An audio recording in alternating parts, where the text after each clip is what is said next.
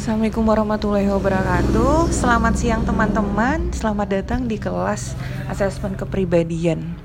Nah kemarin kan kita udah belajar banyak alat tes ya. Terakhir itu kita belajar grafis. Hari ini kita akan belajar terkait apperception test Khususnya TAT dan juga SSCT Teman-teman bisa mulai buka slide-nya ya. Next slide Tahukah Anda bahwa cara orang bercerita bisa menggambarkan konstruk kepribadiannya? Kemudian juga bisa mengungkapkan apa yang ia inginkan dan apa yang ia takutkan. Jadi, apperception test ini sebenarnya salah satu tes yang punya asumsi dasar bahwa sebenarnya ketika seseorang bercerita itu menunjukkan kalau dia punya kepribadian tertentu, misalkan seperti itu. Kemudian next slide, tes apersepsi. Nah, apersepsi ini adalah proses memberikan makna atau menginterpretasikan sesuatu secara subjektif gitu. Jadi kita melihat sesuatu pot bunga, tapi kita menginterpretasikannya tidak sesederhana ini adalah pot bunga. Kita menginterpretasikan dengan lebih kompleks misalkan. Nah, cara kita menginterpretasikan yang berbeda-beda itulah disebut dengan apersepsi. Nah, asumsi dasar tes SAT ini adalah ada tema-tema di dalam sebuah kartu sehingga ketika kita menilai perilaku yang ada di dalam tema-tema itu kita juga menunjukkan need dan pressnya. Next slide. Tes apersepsi merupakan salah satu metode untuk memahami kepribadian seseorang secara mendalam. Kenapa? Karena kita tidak menanyakan kepada dia secara langsung, tapi kita menggali sehingga kesannya cenderung lebih jujur. Awalnya dikenal mirip dengan Interpretation of Dream dari Freud. Nah, tapi ternyata ini berbeda. Ketika orang menginterpretasikan situasi sosial yang ambigu, orang akan menjawab seolah-olah dia menghadapi fenomena itu gitu. Jadi misalkan ada uh, seseorang yang sedang berbaring sambil memegang uh, sambil bersandar di kursi. Mungkin dia menceritakan kondisi orang itu karena beliau pernah mengalaminya juga, seperti itu. TAT dirancang untuk merangsang imajinasi pengamatnya, mengungkapkan daerah motivasional spesifik, dan mendeteksi peluang-peluang konflik yang mungkin terjadi. Nah, jadi kita melihat satu gambar yang kayak pistol gitu. Bisa jadi imajinasi kita mengatakan itu pistol atau imajinasi orang-orang lain itu bilangnya cobekan misalkan kayak gitu. Jadi tergantung apa persepsi mereka. Next slide. Prinsip dasar proyeksi. Proyeksi adalah suatu proses melampiaskan keluar dorongan, perasaan, sentimen, dan lainnya dari dalam diri individu ke dunia luar. Dan ini biasanya adalah proses defensif. Kenapa defensif? Karena biasanya kita memasukkan sesuatu ke dalam diri kita dan kita tidak memunculkan. Kita punya defense atau kita mencoba untuk bertahan, bertahan, mempertahankan diri. Nah, individu tidak menyadari bahwa munculnya gejala yang di luar bahwa dia itu memunculkan gejala yang tidak dia sadari gitu atau tidak bukan kehendaknya tapi ada di dalam dirinya. Individu mengeluarkan segala sesuatu dalam dirinya dengan mengatakannya dari sudut pandang orang ketiga. Jadi uh, ketika dia menceritakan ini adalah seorang perempuan, dia sedang jalan-jalan, kemudian dia ketemu dengan laki-laki dan sebagainya gitu. Kenapa? Tes TAT ini seperti ini karena ternyata ketika kita menceritakan orang lain kita akan lebih merasa safe atau merasa aman. Beda dengan kita cerita ini adalah saya habis ketemu laki-laki pasti defense kita akan sangat tinggi. Next slide. Sejarah tes apersepsi. Jadi dimulai dari Murray sama Leopold eh, sama si Belak. Mereka itu adalah muridnya si Freud. Kemudian Murray jadi guru besar di Harvard ngembangin TAT Murray sama Morgan menyampaikan masalah tentang TAT. Nah, habis ada TAT tahun 1948 dikembangin CAT, Children Perception Test. Kemudian di 1973 juga berkembang nih si Belak sama istrinya membuat Senior Apperception Test jadi untuk lansia. Tuh. Next slide. Pengembangan TAT dikembangkan terus oleh Murray dan Morgan yang mempunyai kemampuan artistik dibantu oleh Tal yang membuat gambar-gambar untuk TAT yang paling terkenal nih anak kecil yang pakai biola. Tuh awalnya kayak gitu foto kemudian dijadikan sebuah gambar yang artistik. Sistem scoring dan interpretasi TAT dikembangkan sampai dikembangkan oleh Belak. Jadi yang dipakai sampai saat ini adalah metode scoringnya Belak. Jadi kalau teman-teman mau cari di internet uh, scoring sistem belak misalkan seperti itu. Next slide teori apersepsi dan jenisnya jadi ada teori psikoanalisis ada juga teori family system jadi teori psikoanalisa ini pembagiannya TAT CATA itu CAT animal CATH itu children apperception test human habis itu uh, ada juga SAT Senior Appreciation Test. Jadi masing-masing ini ada batasan usia masing-masing. Tapi yang kita akan pelajari di sini adalah si TAT. Kenapa sih TAT digunakan? Next slide. Jadi TAT ini adalah suatu alat untuk proyeksi. Kita bisa mengeksplorasi fungsi egonya dia, fungsi dan peran ego dalam setiap kejadian. Kemudian juga uh, orang akan menghindari untuk bercerita langsung tentang dirinya kalau nggak ada orang ketiga. Selain itu, nggak semua orang bisa menyadari dan menyampaikan gagasan dan sikapnya. Sehingga kenapa penting banget diadakan atau menggunakan tes proyeksi daripada tes yang uh, sudah terstandarisasi, yang skala-skala dan sebagainya gitu. Next slide. Ada bagian dari diri kita yang tidak kita sadari luput dari atensi kita. Mungkin kita sengaja meluputkan diri, dan pertanyaannya kenapa sih kita kayak gitu gitu nah because sebenarnya kita itu cenderung senang untuk menghindar menghindar itu adalah sesuatu yang membahagiakan tapi sebenarnya uh, apa yang kita hindari itu juga bisa muncul entah dalam mimpi atau dalam tes seperti ini next slide teori kepribadian Murray dinamika net need sama press jadi TAT ini digunakan untuk melihat needs sama press yang dihadapi oleh klien kita.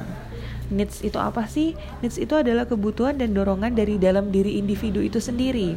Misalkan needku adalah achievement, berarti mungkin di kertas di kartunya aku lebih banyak bercerita ini adalah seorang anak yang dia ini uh, punya keinginan untuk berhasil memainkan biola. Kemudian dapat apresiasi eh, dapat apresiasi dan sebagainya. Nah kita bisa bilang ada need of achievement sebenarnya misalkan seperti itu.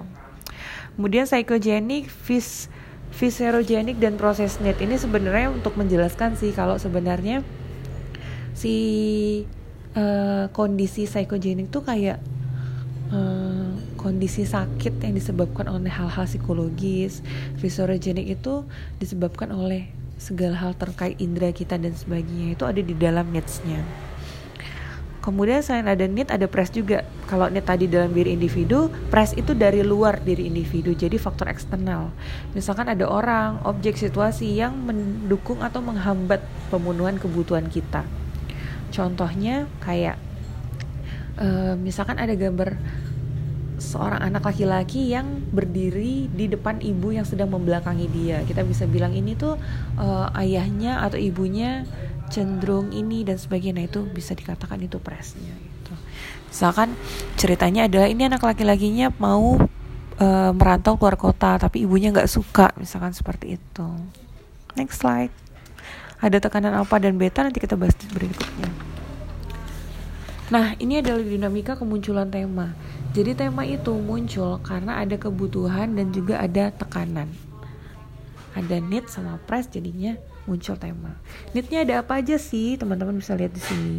Achievement, affiliation, aggression, autonomy, exhibition dan sebagainya. Lanjut next. Nah, tadi ada net, sekarang ada press. Press itu ada tekanan alfa dan juga tekanan beta. Tekanan alfa itu kualitas lingkungan yang muncul dalam kenyataan senyatanya. Misalkan ada gambar pistol, kemudian dia mengatakan ini adalah pistol gitu. Kemudian tema bet, tekanan beta, kualitas lingkungan sebagaimana yang teramati individu. Misalkan gambarnya cobekan, tapi dia mempre, mempersepsikan ini adalah pistol gitu yang dipegang oleh seorang apa gitu. Next slide. Nah, presto ada banyak macam. Mirip-mirip juga. Press of affiliation, aggression, dominance, dan sebagainya. Next slide. Konsep inti persepsi dan apersepsi. Jadi Belak itu pada awalnya mengatakan bahwa persepsi itu adalah uh, suatu sistem dalam psikologi. Tidak melibatkan keseluruhan kepribadian tapi cuma beberapa bagian. Oleh karena itu, pada kesempatan selanjutnya, Belak tidak menggunakan istilah persepsi dan menggunakan istilah apersepsi. Jadi apersepsi itu bagaimana kita mempersepsikan sesuatu dengan uh, pemaknaan diri kita sendiri. Belak mendefinisikan apersepsi adalah proses dinamis pada seseorang dalam memberikan interpretasi yang berarti terhadap suatu persepsi itu. Jadi sifatnya sangat subjektif. Interpretasi bisa objektif atau subjektif, bisa berdasarkan pengalaman dan juga keadaan internal individu. Next slide. Apersepsi adalah kondisi yang mendekati perasaan kognitif yang objektif, persepsi kognitif yang objektif, di mana kebanyakan subjek akan sama dalam mempersepsikan sesuatu stimulus. Misalkan kartu satu pada TAT dipersepsikan sebagai seorang anak dengan anak dengan biola. Nah, orang-orang menginterpretasikannya juga seorang anak dengan biola gitu. Jadi persepsinya sama. Next slide. Belum. Interpretasi yang subjektif terhadap stimulus menyebabkan aperceptive distortion yaitu penyimpangan subjektif dari persepsi kognitif yang murni. Misalkan di situ gambarnya anak sedang memainkan biola, terus kita random banget bilang ini anak sedang memainkan pistol, berarti kan beda banget. Menurut Freud, ingatan masa lalu akan mempengaruhi persepsi saat ini terhadap suatu stimulus. Jadi, proyeksi merupakan apperception distortion, yaitu memaknai suatu hasil persepsi karena dipengaruhi ingatan dan pengalaman masa lalu gitu. Next slide. Apersepsi dan gestalt. Aperception as apperceptive distortion juga berdasarkan pada teori gestalt. Jadi ada good image sama juga ada bad image. Kalau munculnya sama-sama, good image diperkuat oleh modifikasi dari bad image kalau misalkan bad image-nya muncul tapi nggak dimodifikasi akhirnya nanti bad image-nya akan butuh untuk dimodifikasi dulu. Contohnya apa ya? Kayak aku ngelihat uh, ada dua orang anak yang satu anak megang pistol. Itu kan bad image ya kalau mau bilang mereka agresi. Tapi kita mencoba untuk memaknai itu dengan tidak mengatakan anak ini mau mau nembak atau dia mau menggunakan pistol untuk apa gitu tapi kita lebih mengatakan misal ya ini sebelumnya ada dua orang dewasa yang sedang bermain eh sedang bermain dua orang dewasa yang membawa pistol gitu kemudian pistolnya ditinggal atau pistolnya jatuh di dekat anak-anak itu misalkan kayak gitu agar bisa diterima. Next slide, bentuk apperceptive distortion ada pure perception, externalization, sensitization, simple projection, dan juga true projection. Teman-teman bisa baca sendiri aja. Kemudian materi tes TAT. Jadi TAT itu punya 31 kartu ditandai dengan kode tertentu. Kalau ada tulisan B berarti boy, G artinya girl, M artinya male, F artinya female. Sedangkan ada juga kartu kosong nih di kartu 16. Penggunaannya boy untuk anak laki-laki usia sampai dengan 14 tahun. Kalau girl, anak perempuan usianya sampai 14 tahun. Sedangkan male, laki-laki 15 tahun ke atas, female, perempuan 15 tahun ke atas. Jadi misalkan klien kalian ada laki-laki namanya Anto umurnya 17 tahun, berarti nanti kita ngasih kartunya ada male-nya. Nah, ada kombinasi juga nggak cuman BGMF tapi jadinya misalkan ini BM terus GF MF PG gitu BM misalkan berarti bisa digunakan untuk laki-laki dewasa ataupun anak laki-laki. GF bisa digunakan untuk wanita dewasa atau anak perempuan. MF bisa untuk laki-laki dan perempuan. BG bisa untuk anak laki-laki dan perempuan. Next slide. Tes persepsi dan jenisnya. Ini kayak yang tadi di depan ya teman-teman. Ada CAT, TAT, SAT, FAT. Next slide. Persiapan sebelum TAT. Pertama kali adalah building rapot, riwayat hidup, wawancara awal, kemudian konfirmasi hasil tes lain, tes dilakukan dalam setting individu, dan juga memperhatikan urutan penyajian. Next slide. Ada raport. Raport sangat diperlukan karena suasana tes ternyata sangat mempengaruhi jawaban testing. Subjek memahami bahwa tester akan menerima tanpa syarat semua jawaban dan tester juga harus memberi jaminan dalam masalah ini gitu. Jadi kita tidak menyalahkan, "Loh, ini gambar apa?" dan sebagainya. Nah, ada beberapa kartu dalam TAT, ada kartu utama, kartu tambahan, eh, dan kartu-kartu ini diberikan sesuai dengan jenis kelamin dan masalahnya klien. Instruksinya untuk klien dewasa, normal dan kecerdasan rata-rata rata-rata adalah seperti ini. Baik, tes ini adalah tes imajinasi. Saya akan menunjukkan kepada Anda sejumlah gambar secara satu persatu. Tugas Anda adalah membuat cerita sedramatik mungkin sejauh yang Anda bisa pada masing-masing kartu. Terangkan awal cerita, cerita yang terjadi sekarang, serta terangkan juga bagaimana pikiran dan perasaan para tokoh serta akhir ceritanya. Silakan katakan apa saja yang ada dalam pikiranmu. Apakah Anda mengerti? Kalau udah, anda memiliki 50 menit untuk 10 kartu sehingga masing-masing kartu Anda mempunyai waktu selama 5 menit untuk membuat cerita. Apakah sudah dipahami? Tapi kalau udah, baik kita mulai dengan kartu yang pertama. Jadi kartunya sudah disusun terbalik gitu teman-teman. Jadi nanti pas kartu pertama diangkat yaitu kartu yang nomor satu. Nah itu untuk instruksi dewasa di atas rata-rata. Untuk instruksi anak-anak atau orang psikotik orang dengan psikotik atau individu berpendidikan rendah seperti ini.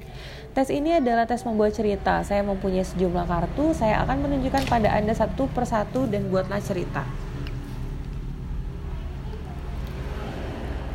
Katakan apa yang terjadi sebelumnya dan apa yang terjadi sekarang. Katakan bagaimana pikiran dan perasaan orang tersebut serta bagaimana akhir ceritanya. Seperti itu. Kemudian di kartu 2 juga diberi penjelasan lain. Caranya sama dengan yang tadi, buatlah cerita tapi yang ini boleh berimajinasi lebih luas, boleh dengan mitos dong yang kalian dan sebagainya. Kemudian selain instruksi 2 itu juga ada instruksi kartu kosong. Pasti bingung ya gimana caranya ada cara seperti ini lihatlah apa yang dapat anda lihat pada kartu kosong ini bayangkan bahwa di sana ada suatu gambar dan kemudian ceritakan tentang gambar itu pada saya pejamkan mata dan bayangkan gambarnya coba ceritakan Wisdom Nah, sebenarnya tes TAT ini mau ngapain sih? Kok disuruh cerita-cerita doang? Oh, tidak seperti itu saja, teman-teman. Jadi, di tes TAT ini ada beberapa hal yang harus kita temukan. Ada di next slide. Yang pertama, kejadian sebelumnya. Apa yang mengarah atau melatar belakangi kejadian ini? Itu. Kemudian situasi saat ini, apa yang sedang terjadi saat ini? Pikiran dan perasaan tokoh, apa yang dirasakan? Hasil, apa hasilnya? Nah, kita perlu untuk ngegali ini. Gimana sebelumnya, gimana saat ini, gimana di masa depan, dan hasilnya apa? Gitu. Kemudian, prosedurnya, waktu, waktu dicatat ketika gambar pertama disajikan dan berakhir ketika subjek mengakhiri cerita.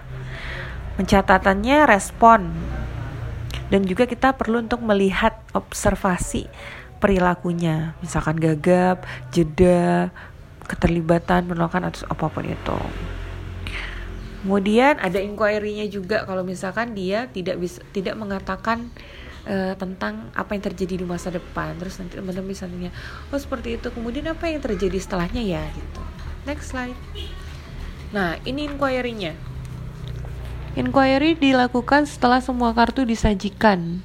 Biasanya terkait dengan tempat, kapan atau konteks waktu, nama orang, dan informasi detail lainnya. Contohnya, dari mana Anda mendapat ide tentang cerita ini? Apa yang ada dalam gambar yang membuat Anda cerita seperti ini? Apakah orang-orang yang ada Anda masukkan dalam cerita mengingatkan Anda pada seseorang dalam kehidupan Anda? Next slide, Terus ada juga blocking dan rejeksi. Nah, kenapa pentingnya raport biar klien kita itu tidak blocking?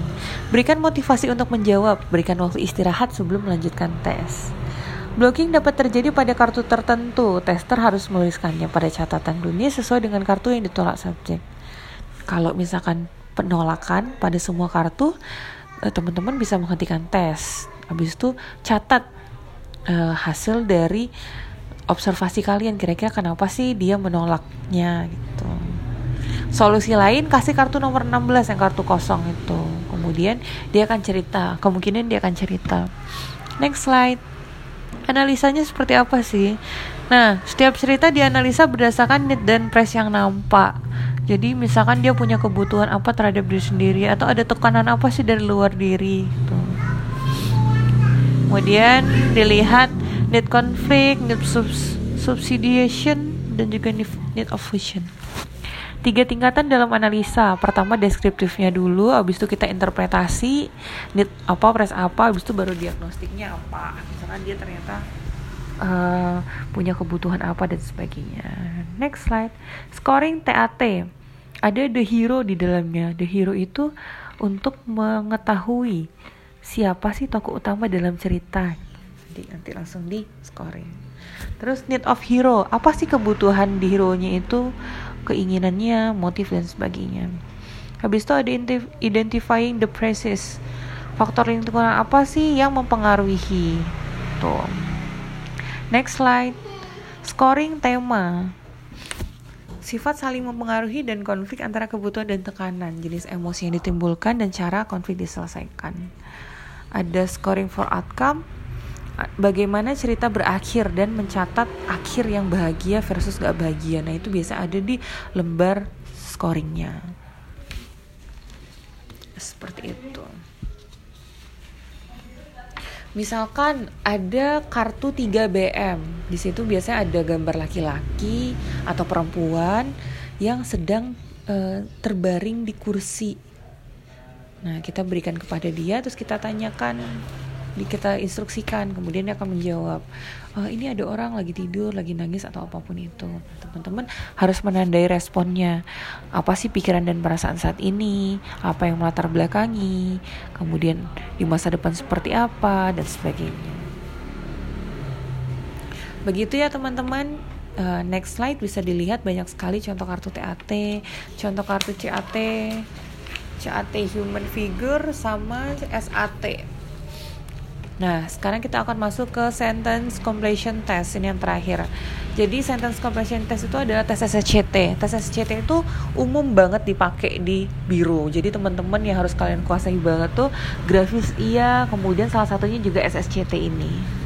Nah, sejarah SSCT ini pertama si Rode ini bikin 64 item untuk anak usia 12 tahun ke atas, mengungkapkan need, inner state, trait dan sebagainya. Terus kemudian uh, SOR lanjutnya bikin pendekatan klinis area ada penolakan, resistensi dan sebagainya. Kemudian Rotter dan Willerman ada 40 item dan sebagainya. Next slide. Nah, seiring dengan perjalanan alat itu, kemudian dikembangkanlah sex sentence completion test diciptakan oleh si Sachs. Jadi ceritanya uh, ini adalah versi yang lebih bagus atau versi yang lebih lengkap gitu dari uh, sejarah alat-alat tes sebelumnya. Nah, SSCT ini adalah alat tes kepribadian dengan metode proyektif. Terdiri dari sejumlah kalimat yang gak lengkap yang disajikan agar dilengkapi oleh testi. Merupakan tes yang biasa digunakan dalam setting diagnostik atau klinis dengan jumlah 60 item. Disajikannya bisa banget individu dan juga kelompok. Gitu. Next slide. Jadi ada SSCT, RHCB, CSCT yang paling umum kita pakai itu SSCT dan juga CSCT untuk anak-anak. Next slide. Nah, mengungkap apa aja sih tes SSCT ini sebenarnya? Yang pertama, kondisi keluarga. Jadi ada pertanyaan tentang menurut saya ibu saya apa gitu, menurut saya ayah saya apa gitu. Jadi di keluarga sikap pada ibu, ayah, ada keluarga. Kalau seks sikap terhadap wanita, terhadap hubungan heteroseksual, hubungan interpersonal dan juga konsep diri. Jadi ini sangat sosial banget untuk melihat kondisi sosial dan juga diri sendiri. Next slide. Administrasinya untuk SSCT itu biasanya 20 sampai 40 menit. Ada instruksinya. Berikut Anda akan menemui sejumlah kalimat yang belum lengkap Tugas Anda adalah melengkapi masing-masing kalimat dengan kalimat yang pertama kali muncul dalam pikiran Anda. Tidak perlu dipikirkan terlalu lama dan tidak ada jawaban benar atau salah. Nah, kalau sudah, kemudian diberikan, habis selesai kita ambil kertasnya, habis itu kita akan mencoba untuk melihat atau membaca. Kalau misalkan menurut kita ada yang kurang lengkap, kita boleh tanya. Ini kamu menulis menurut saya ayah saya pendiam, boleh diceritakan lebih lanjut nggak? Itu boleh mbak, misalkan kayak gitu. Nah, habis itu kita inquiry. Iya, soalnya ayah saya itu gini-gini sebagainya. Nanti kita tulis di sebelahnya jawaban klien. Nah, setelah tesis selesai, dibuat rangkuman per aspeknya kayak tadi aspek keluarga, ada sikap terhadap ibu, ayah dan sebagainya. Nah, akan di scoring juga nih. Tapi scoringnya sederhana sekali, hanya diberi rating 0, 1, 2 atau X. 2 itu ada indikasi gangguan berat atau butuh intervensi atau ganggu atau bantuan profesional. Misalkan di situ dia mengatakan kalau dia pernah menjadi korban KDRT gitu. Mungkin dia ada trauma dan sebagainya sehingga kita scoringnya dua. Kemudian scoring satu ada indikasi gangguan ringan belum membutuhkan bantuan profesional. Misalkan di situ dia bilang kalau self esteemnya dia rendah gitu kan kayaknya ada masalah tapi ya belum butuh bantuan sih gitu. Skor nol kalau misalkan nggak ada indikasi gangguan. Misalkan dia menulis e, saya senang bermain di mana gitu. Kayak netral ya udah berarti nol X kalau misalkan tidak diketahui dia nggak jawab atau pas kita inquiry dia juga bingung nah itu bisa X nah next slide nah ini ada contohnya Nah ini tadi yang dinamakan dengan merangkum per aspek aspek sikap terhadap ibu, ibu saya orangnya paling berjasa gitu dan sebagainya. Nanti kita rating. Ibu saya orang yang paling berjasa karena itu netral berarti nol. Ibu saya dan saya sangat dekat. Ada masalah atau enggak dan sebagainya satu dikasih nilai. Terus interpretasi bagi Ardi ibunya adalah orang paling berjasa dan hidup dan sebagainya. Jadi dibuat interpretasi deskriptif. Impresi klinisnya kehilangan figure attachment mungkin. Kemudian selanjutnya juga ada contoh nih aspek sikap terhadap ayah. Saya merasa ayah saya tukang paksa dan sebagainya sampai akhirnya impresi klinisnya ada tension, hubungan renggang dan sebagainya. Baik, terima kasih sekali teman-teman sudah mengikuti perkuliahan hari ini. Selamat melanjutkan kembali aktivitas dan sampai bertemu minggu depan. Saya tutup kelasnya. Wabillahi taufiq wal hidayah. Wassalamualaikum warahmatullahi wabarakatuh.